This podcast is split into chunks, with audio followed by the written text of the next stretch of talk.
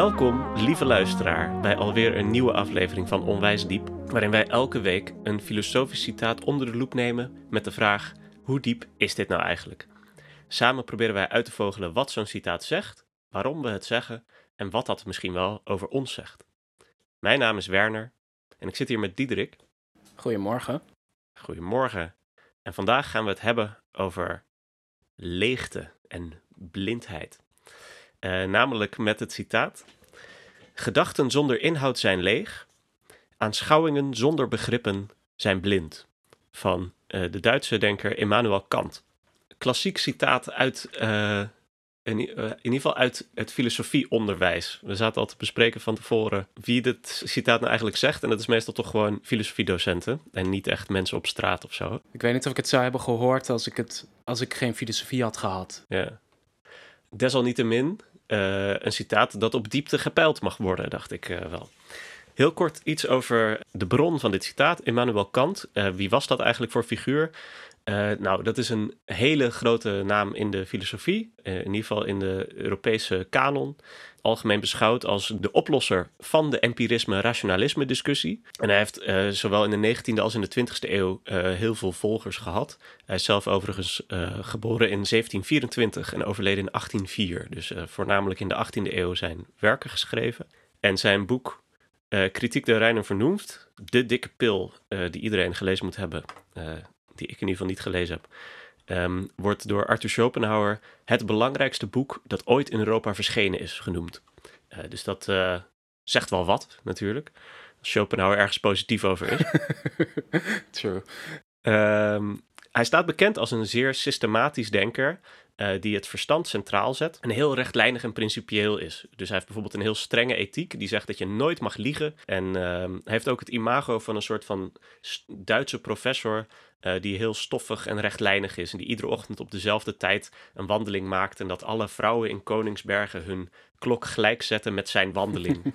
uh, maar ik begrijp trouwens in het voorgesprek, Diederik, dat dat beeld helemaal verkeerd is. Ja, nee, klopt. Dat begreep ik zelf ook uh, onlangs. Want het is dus, enerzijds is dat, is dat beeld heel gauw na zijn dood bedacht. Door, ja, ik geloof onder andere Heinrich Heine, die, die zette hem zo neer. Maar ook er zijn ook anekdotes over uh, bijvoorbeeld over die klokken en dat, dat hij zo strikt was en punctueel, die eigenlijk helemaal niet over hem gingen.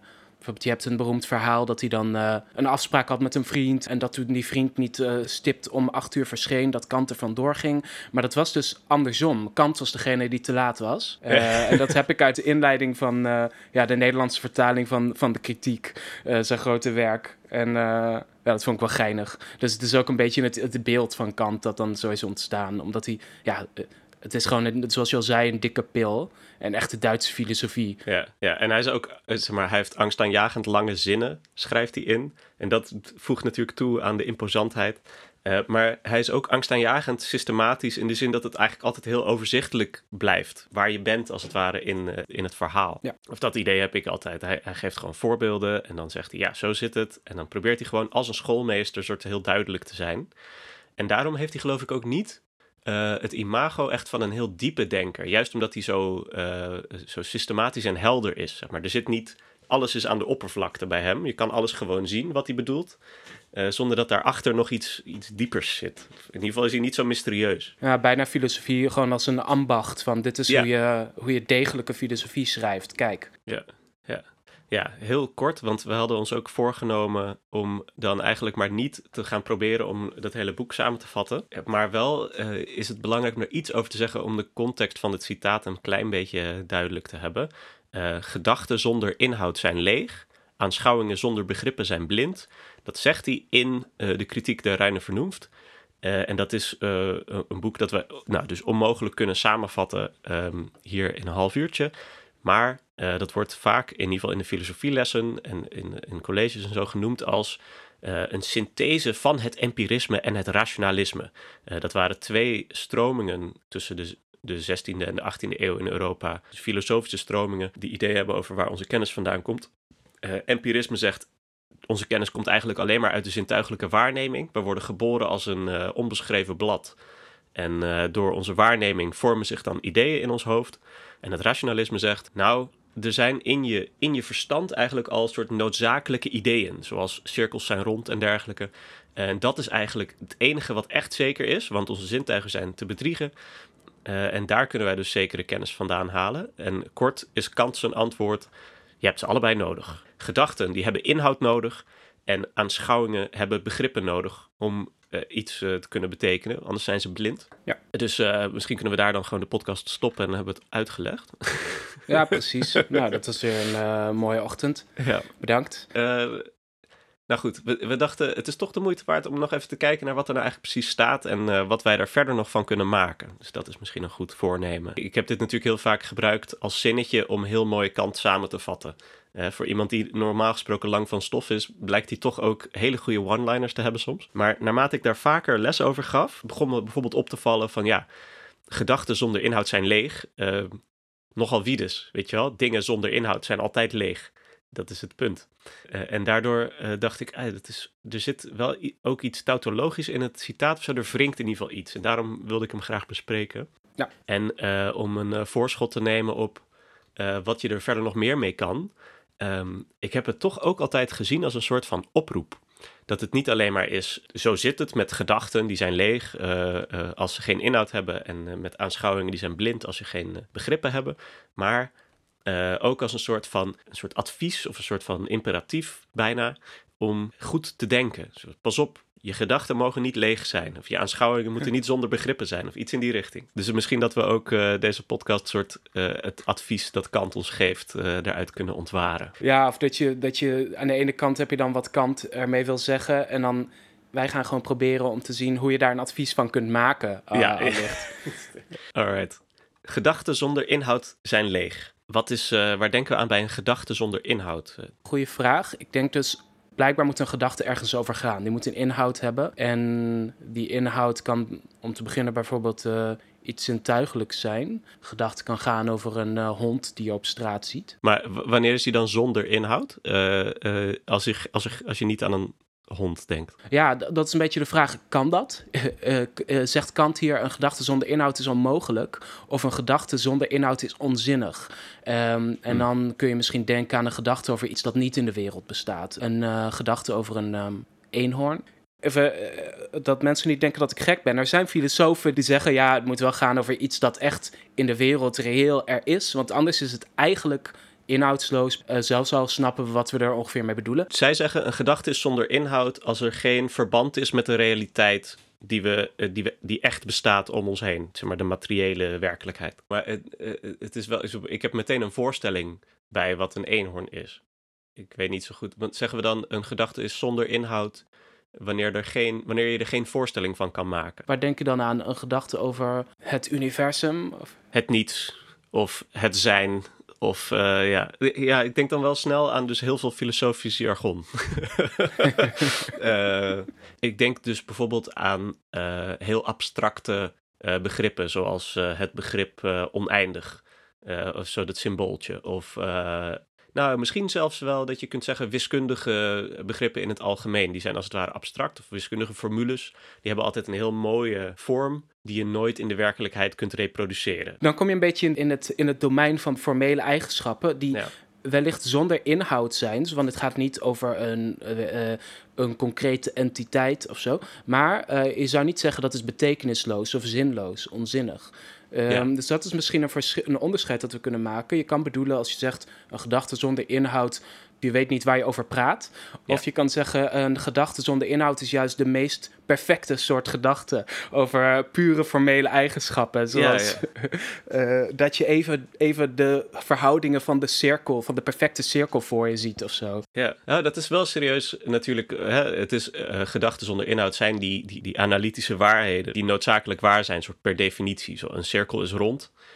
Ja. Je hebt nog nooit, ik bedoel, je hebt natuurlijk een hele hoop soort van cirkels met je ogen waargenomen, maar de cirkel is niet een empirische werkelijkheid, want geen enkele cirkel die je ooit hebt gezien is perfect rond en is perfect, zeg maar, wat de, wat de wiskundige definitie ervan is.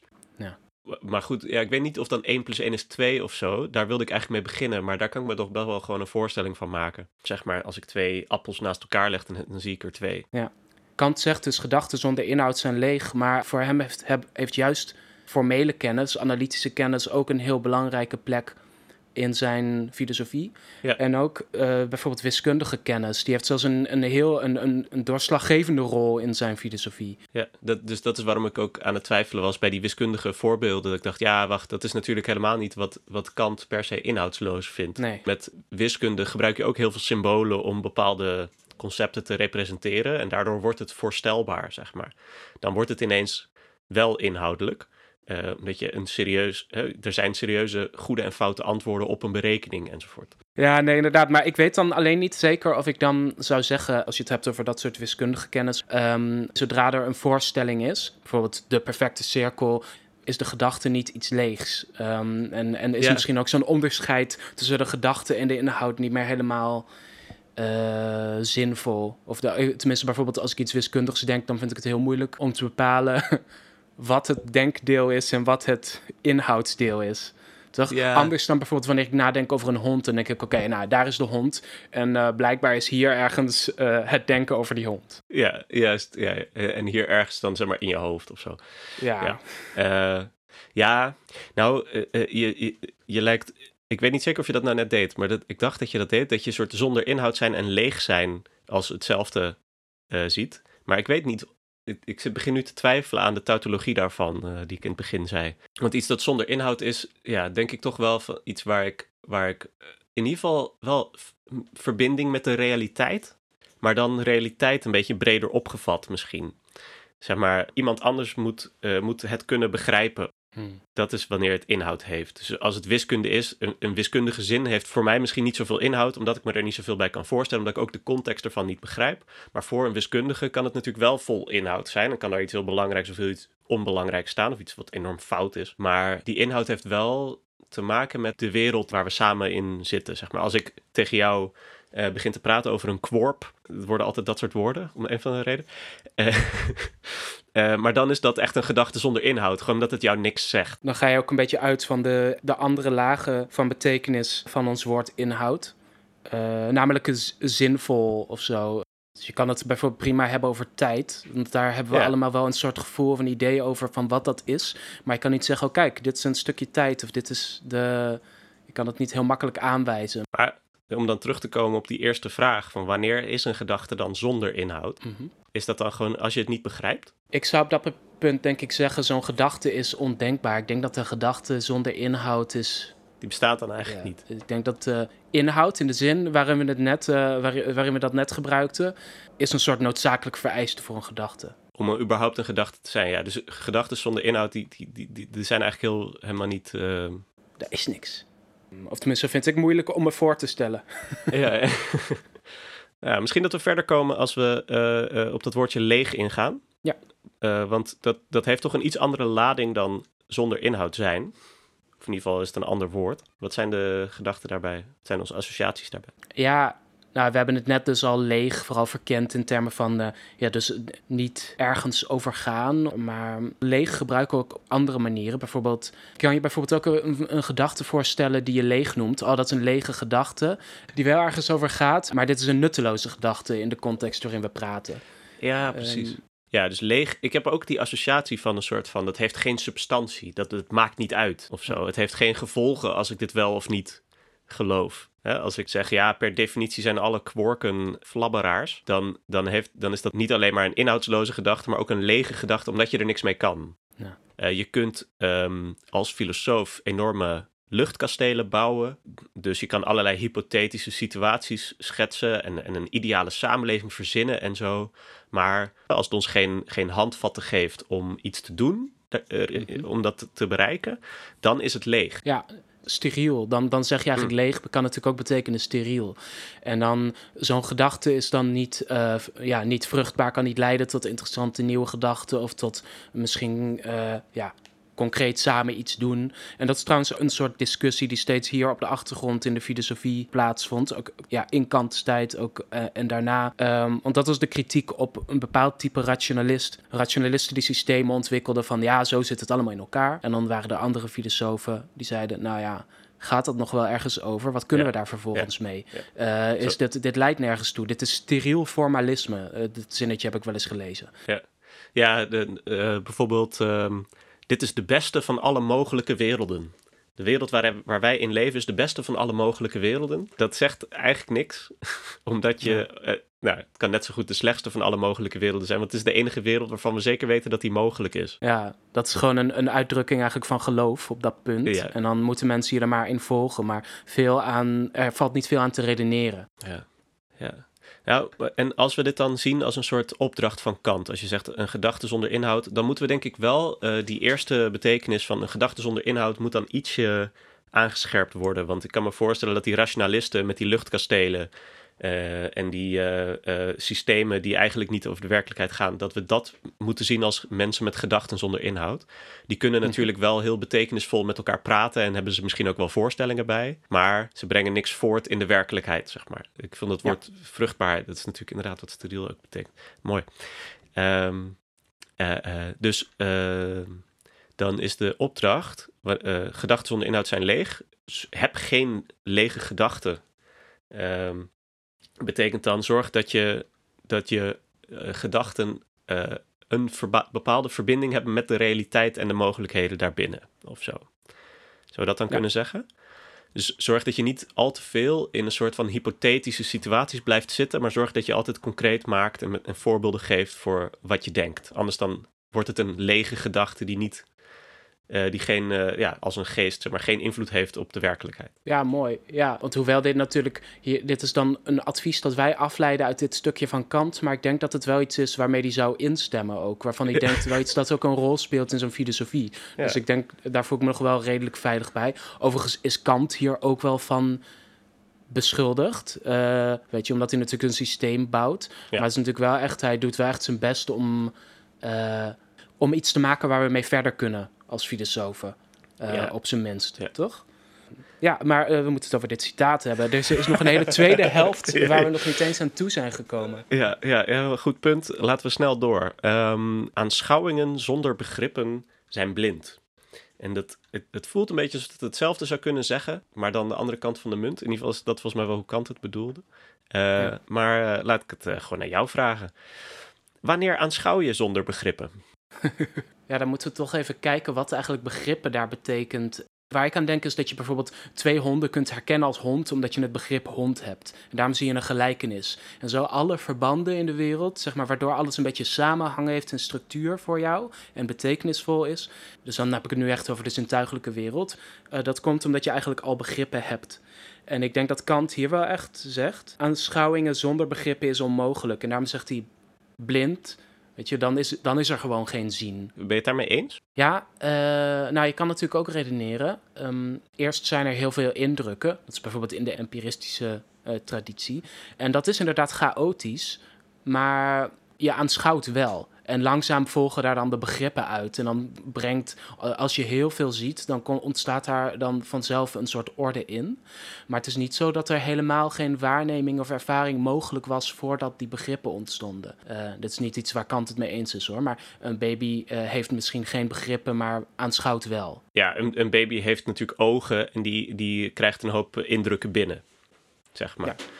Ook al weet hij niet dat het een hond is, hij ziet een vlek in het bruin of zo. Ook al weet hij niet wat bruin is. Maar hij ervaart natuurlijk wel iets waar hij vervolgens eh, leert begrippen op te plakken om ze te ordenen. Eh, en, dan, en dan valt er misschien nog iets te zeggen over. ehm, nou, het hangt ervan af hoe, hoe, hoe eh, breed, hoe erg we begrip willen oprekken, natuurlijk. Want bij begrippen denk ik ook snel aan echt gewoon woorden en symbolen. Ja. Maar je kunt ook denken aan, ehm, eh, als we het over baby's hebben, denk ik aan objectpermanentie, bijvoorbeeld. Dat zou je kunnen zeggen dat dat, in ieder geval in Kantiaans kun je dat zien als een, een soort begrip. Iets waarmee je de werkelijkheid ordent, een soort van principe. Objectpermanentie, dus, eh, eh, dus dat je eh, weet dat er wanneer de bal uit het oog verd- verdwijnt, dat die er nog steeds is. Ja. En dan is een baby dus verbaasd als je een bal rolt en die komt achter een muurtje en dan komt hij er niet achter vandaan. Dan is de baby verbaasd, omdat hij denkt, hé, maar die bal die moet toch, die, die was toch achter dat muurtje ver- verdwenen. En er is een punt waarop baby's dat leren doen. Maar zou je zeggen dat dat eh, eh, een begrip is? Of vind je dat te ver gaan? Ehm, vraag je het aan mij of vraag je het aan Kant? Ik vraag het aan jou. Kant is dood. en wij hebben hem vermoord. Nee, Nee, nee is deze gewoon, podcast eh, is behoorlijk lief voor hem, geloof ik. Ja, ik geloof het ook. Nee, maar ik vraag het aan jou. Zou, zou jij, zou jij uh, dat zo'n idee als objectpermanentie, zou je dat ook zien als een begrip? Ja, in een, als je begrip opvat, dus in de, in de context van dit hele citaat, nadat je die eerste helft hebt gelezen, wanneer die heeft gezegd gedachten, mm. dan kun je begrippen natuurlijk zien meer als het denken. Dus want de begrippen als de elementen van het denken, hoe je die ook verder dan benoemt. Ja. Ehm, ja, dan kun je inderdaad dingen als objectpermanentie daaronder vatten, maar ook dingen die bijvoorbeeld Kant zelf later vormen noemt, zoals tijd en ruimte, kun je op dit punt, als je het iets iets, je iets minder precies uitdrukt, ook, ook begrippen noemen. Zo'n begripsvormen of zo. Hmm. Uh, daar, daar zit nog wel wat in, geloof ik. Uh, maar ja, dat is wel inderdaad erg anders dan wat jij zei. Bij begrippen denk, en ik persoonlijk ook, uh, denk ik toch ook gauw aan woorden, concepten. Ja. Zo'n beetje concrete ja. dingetjes met namen. Of zo. Ja, ja. ja. ja, ik vind het toch heel lastig.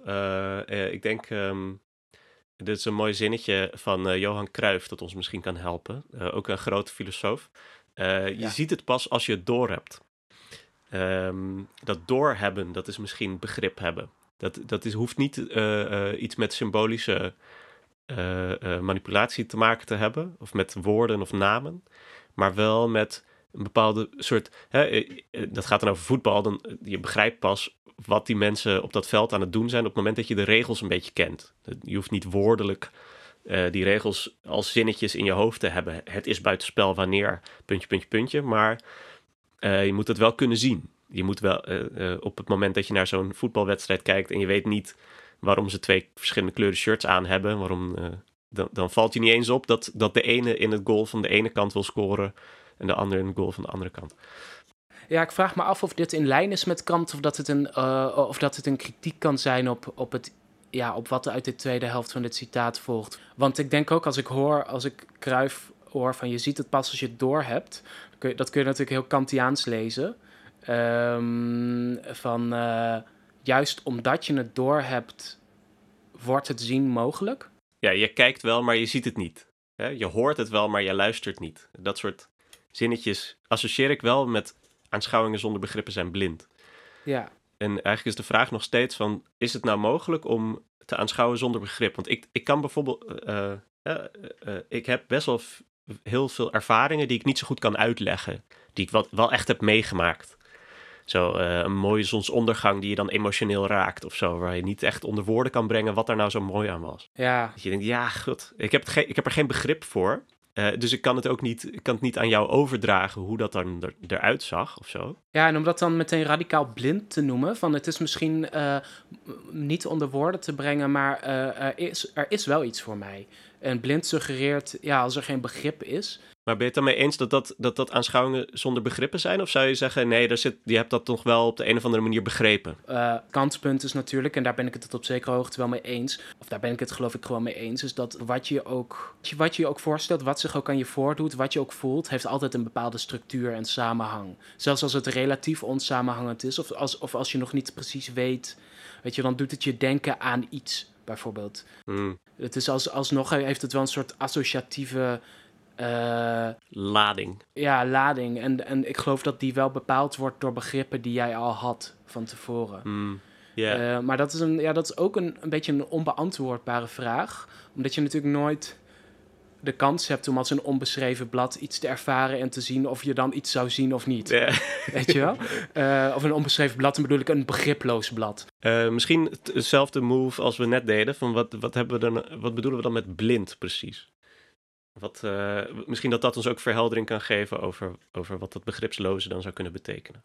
Wat betekent blind? Uh, als je het puur zintuigelijk opvat, als in een blind oog is gewoon een oog waarmee niet gezien kan worden. Maar je kan ook zeggen blind rondtasten. In het duister tasten. Ja, in het duister tasten inderdaad.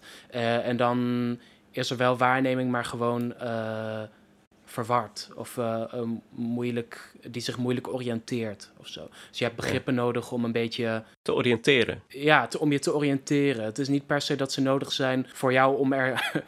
om ervaring in het algemeen te hebben, maar ze zijn er om je ervaring te begeleiden en betekenisvol te maken of uh, je te helpen daar, je daar doorheen te navigeren. Ja. Dat kun je natuurlijk ook zeggen. Ja, ja, ik vind dat oriënteren en navigeren wel een goede, goede associatie erbij. Ik zit altijd te denken, hoe kan je nou het best verbeelden wat dat idee van aanschouwingen zonder begrippen en, en gedachten zonder inhoud zou zijn, dan denk ik altijd aan zeg maar, de, de coördinaten op de wereldkaart. Uh, zeg maar, je hebt enerzijds heb je dan als het ware die tekeningetjes van alle landen met alle kleurtjes. Uh, en uh, wat water is en, en hoe hoog de bergen zijn enzovoort. En anderzijds heb je dan de, de, wat is het, de hoogte en de breedte graden. Mm -hmm. De gedachten zijn dan zeg maar die streepjes. Dat is een soort van het, het raster wat orde geeft aan de warrige organische boel die op de aarde aan de hand is. En de inhoud is dan dus inderdaad die, berg. En dan zeg je, uh, omdat je, als je wil navigeren, dan moet je dus een bepaald soort idee hebben van waar op die aarde of waar op die kaart jij je bevindt. En dat doe je door te kijken naar de coördinaten die je hebt. Uh, maar die coördinaten zouden natuurlijk dan ook weer een soort leeg zijn als je niet op een plek was. um, dus blind en een oriëntatie vind ik best wel heel, laat ik zeggen, een vruchtbare kant om op te gaan. Wel gedachten met inhoud die niet leeg is. Ja, nou bijvoorbeeld. Die ons, uh, ja, dat, ja, het zat onvermijdelijk, was dat, hè? Het zat aan ja. ja. uh, Oké, okay. en dus aanschouwingen zonder begrippen zijn blind.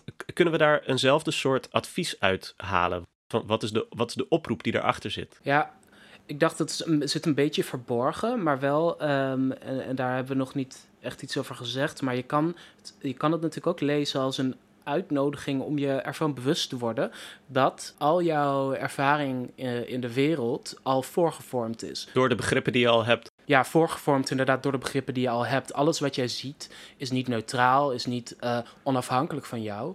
Uh, tegenwoordig zouden we zeggen, die wordt al bepaald door wat, er al in jouw, wat jouw brein eerder al heeft verwerkt of zo. Um, dat maakt dat niks, uh, niks wat je tegenkomt is, is neutraal of zonder, uh, zonder waarde die er al aan wordt toegekend. Dus wees je van bewust dat je altijd als het ware al een perspectief meeneemt in hoe je de wereld beschrijft. Precies. Jouw, de begrippen die jij hebt, dat zijn niet de begrippen van de wereld zelf, maar het zijn jouw begrippen. Ja, of als je bijvoorbeeld in de wetenschap, dat is natuurlijk nu ook een heel groot ding van uh, uh, hoe je over mensen of bijvoorbeeld over minderheden schrijft. Welke naam gebruik je? Dat neemt natuurlijk heel veel. Mm. Uh, gewoon om het een beetje concreter, praktischer toe te passen. Ja. Bijvoorbeeld een bepaald woord dat voortkomt uit een koloniale context nou, het is goed om je ervan bewust te zijn dat er heel veel andere begrippen mee samenhangen. Die ja. een bepaalde structuur geven of die een bepaalde voorstelling in de hand werken van de mensen over wie je praat. Of de... ja. ja, dus niet zozeer dan als je geen begrippen hebt, dan ben je blind. Maar aanschouwingen maken pas iets zichtbaar wanneer je begrippen hanteert. Ja. Uh, en uh, wees je bewust van die begrippen die je dan hebt. Ja. Dat vind ik wel mooi, hè? Ik zit ook te denken, als je het hebt over een soort intellectueel advies dat Kant geeft, dus inderdaad zo van wees je bewust van de begrippen die je hanteert. Ik zit ook te denken dat hè, die, die, die aanschouwingen waar ik het net over had, van dromen of, of soort niet onder woorden te brengen, mooie ervaringen of juist uh, enorm verdriet of zo, dat dat pas voor iemand anders ook iets kan betekenen wanneer je het wel onder woorden brengt. Je moet je bewust zijn dat, dat iemand anders niks daaraan heeft dat jij iets heel erg vet vond, als jij dat zegt. Ik kan me voorstellen dat het iets betekent als wees, wees gearticuleerd. Wanneer je iets aan iemand probeert duidelijk te maken of zo. Ja, inderdaad. Van, want je kan natuurlijk zo'n heel onbeschrijfelijke ervaring lekker voor jezelf houden. Dat doe ik vaak. Maar als je dan erover wil praten, als je die wilt delen. Ja, want wat, wat moeten we dan zeggen? Als je die graag wilt delen. Moet je ge gebruik maken van een soort gemeenschappelijke taal. Zodat de ander het ook kan zien. Ja, gemeenschappelijke begrippen. Zodat jouw aanschouwingen, ja, zodat die toegankelijk worden via de begrippen yeah, voor iemand anders. Zoiets. Zo zou je bijna kunnen zeggen. In ieder geval, ja, ik weet niet. Ik vind er wel wat in, in zitten om te zeggen, ja, uh, het betekent pas wat als je het kan uitleggen. Als je, als je het simpel onder woorden kan brengen. Zo, het is misschien een citaat waar we het ook nog wel eens over gaan hebben van Einstein. Van uh, iemand die iets goed begrijpt, dan kan het ook simpel uitleggen. Ah, ja. Zoiets. Als je iets echt, echt begrijpt, dan kun je het ook uitleggen op het niveau van iemand die het helemaal niet begrijpt. Uh, Oké, okay. misschien afsluitend. Wat, wat uh, denken we over het citaat als geheel? Dus gedachten zonder inhoud zijn leeg. Aanschouwingen zonder begrippen zijn blind. Kant die presenteert dat als een soort van... Uh, we hebben twee kanten van dezelfde munt. Enerzijds heb je ervaring nodig, anderzijds heb je gedachten nodig. Anders is je kennis blind of leeg.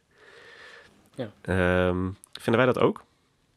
Is dat hoe we, hoe we dit moeten begrijpen? Ja, dat is lastig, omdat wij natuurlijk... We hebben natuurlijk een beetje vrijheid genomen met hoe we die begrippen Ja, gebruiken. En we hebben een beetje verschillende... eh, maar bij Kant, omdat hij, juist omdat hij ze in dit citaat naast elkaar zet... nodigt hij natuurlijk uit, of is de soort van de betekenis van het geheel... dat je duidelijk gedachten moet associëren met begrippen... en aanschouwingen... eh, ja, inhoud met aanschouwingen. En dan is dit een, een, een soort logisch geheel. Hoewel ik misschien... eh, anderzijds, dat is iets waar ik een beetje mee worstelde toen ik, eh, toen ik hierover begon na te denken. Natuurlijk, leeg en blind zijn wel vrij verschillende begrippen. Ja. Van, weet je, het is niet helemaal symmetrisch. Ja, ja vind ik wel mooi gezegd. eh, dat, het, dat het niet ehm, helemaal symmetrisch is. Want zo voelt het aan het begin natuurlijk wel. Hè? Eh, als, ik, ik was Ja. geneigd om het te vertalen als gedachten hebben ervaring nodig, ervaring heeft gedachten nodig. Maar er zijn dus blijkbaar heel andere consequenties wanneer eh, ervaring geen gedachten heeft eh, of wanneer gedachten geen ervaring hebben. Dus je zou niet zeggen aanschouwingen zonder begrippen zijn steriel of zo, zeg maar. Dat is echt een ander soort Nee, ander soort betekenis. Ja, oké. Zijn we eraan toe om eh, het op diepte te peilen? Ehm, ja, dit is natuurlijk wel echt een, een fix citaat, omdat het zo eh, een soort jumbo-citaat, m- eh, waar ook nog twee citaatjes in zitten. Eh. Dat is eigenlijk meer ho- eh, horizontale uitgebreidheid, maar is dat ook diepgang? Ehm, ja, ik vind op zich dat er ook best wel veel. Ik bedoel, Kant kon er een boek over schrijven om dit allemaal uit te leggen. En wij konden er ook nog weer andere dingen mee. eh, die, eh, eh, zeg maar, een beetje associatief. Ja. Ehm, en zelfs daar adviezen uit afleiden. Dus ik vind op zich voor diepgang dat het wel... van, van mij krijgt het wel een... nou, tenminste wel een 8. Oké. Wat, wat denk jij daarvan? Nou, ik vind het wel mooi wat je zegt dat het een soort jumbo-citaat is. Want het heeft inderdaad gewoon... Eigenlijk zijn twee citaten in één. En ik denk wel dat die eerste gedachten zonder inhoud zijn leeg... vind ik het minder diep dan aanschouwingen zonder begrippen zijn blind. Ja. Eh, dus het, het, hij hij heeft als het ware een verdieping. Eh, Ja, want die eerste helft, het is wel echt een voorbeeld van een stukje tekst dat diepgang krijgt als je erover na wilt denken. Maar als je het op het eerste gezicht leest, dan is het niet van, oh, eh, wat prikkelend. Is meer, ja, weet je, gedachten zonder inhoud zijn leeg. Oké, bedankt. Ja, en, en je moet daar dus heel erg. eh, ja, en, je, en ik heb het idee dat je daarvoor echt de context nodig hebt om te weten, om, eh, eh, zeg maar, de context van de rationalisten, die hadden wij ook nodig om te begrijpen van waar gaat het nou precies over. En dan is de opdracht, wees concreet, vind ik ook niet zo bijzonder diep, zeg maar. Maar wanneer zijn aanschouwingen, aanschouwingen zonder begrippen zijn blind. En misschien is het omdat ik Johan Cruijff gewoon eh, een mooie vent vind. Eh, je ziet het pas als je het door hebt. Vind ik ook slim. Dat benoemt iets. Je denkt, ja, dat is inderdaad hoe het zit. Ja. Zo, dat vind ik dan wel echt een stuk dieper. Of in ieder geval is dat iets wat je wat veel onuitgesprokener leeft. Eh, maar wat wel een besef is dat iedereen in zijn leven wel eens een keer heeft gehad. Maar goed, moet je dan een gemiddelde geven van een 7, omdat de een een 6 is en de ander een 8? Dat is de vraag. Nee, nee, nee. want ik bedoel, alles stelt. Er staat een komma. Hij sluit niet af oké, na de eerste helft. Oké, oké, oké, oké, oké, oké. Oké. Eh, z- 7,5 dan. Nou ja, 7,8. Hè? Ah, oké. Nou, vooruit. 7,8. Gefeliciteerd. Hey, eh, beste mensen, bedankt voor het luisteren allemaal. En laat vooral eh, laat een commentje achter. Zie maar waar. We hebben ook een e-mailadres, dat staat in de beschrijving. Ja. Ehm, en we horen heel graag eh, feedback en eh, wat voor gedachten het jullie allemaal op heeft gebracht. Misschien ook voorstellen voor volgende citaten. En tot die tijd blijven wij lekker zelf citaten voorstellen. Diederik, wat gaan we volgende week doen? Ja, een, een leuke die ik heb gekozen. Voor een godsdienst sterven is makkelijker dan ernaar te leven. Van eh, Borges. Ah. Ehm, daar eh, kunnen we vast ook wel wat mee. Ja, Dus eh, Ik ben heel benieuwd. ja, ik heb er zin in. Alright. Hey, bedankt voor het luisteren en tot de volgende keer. Tot de volgende keer.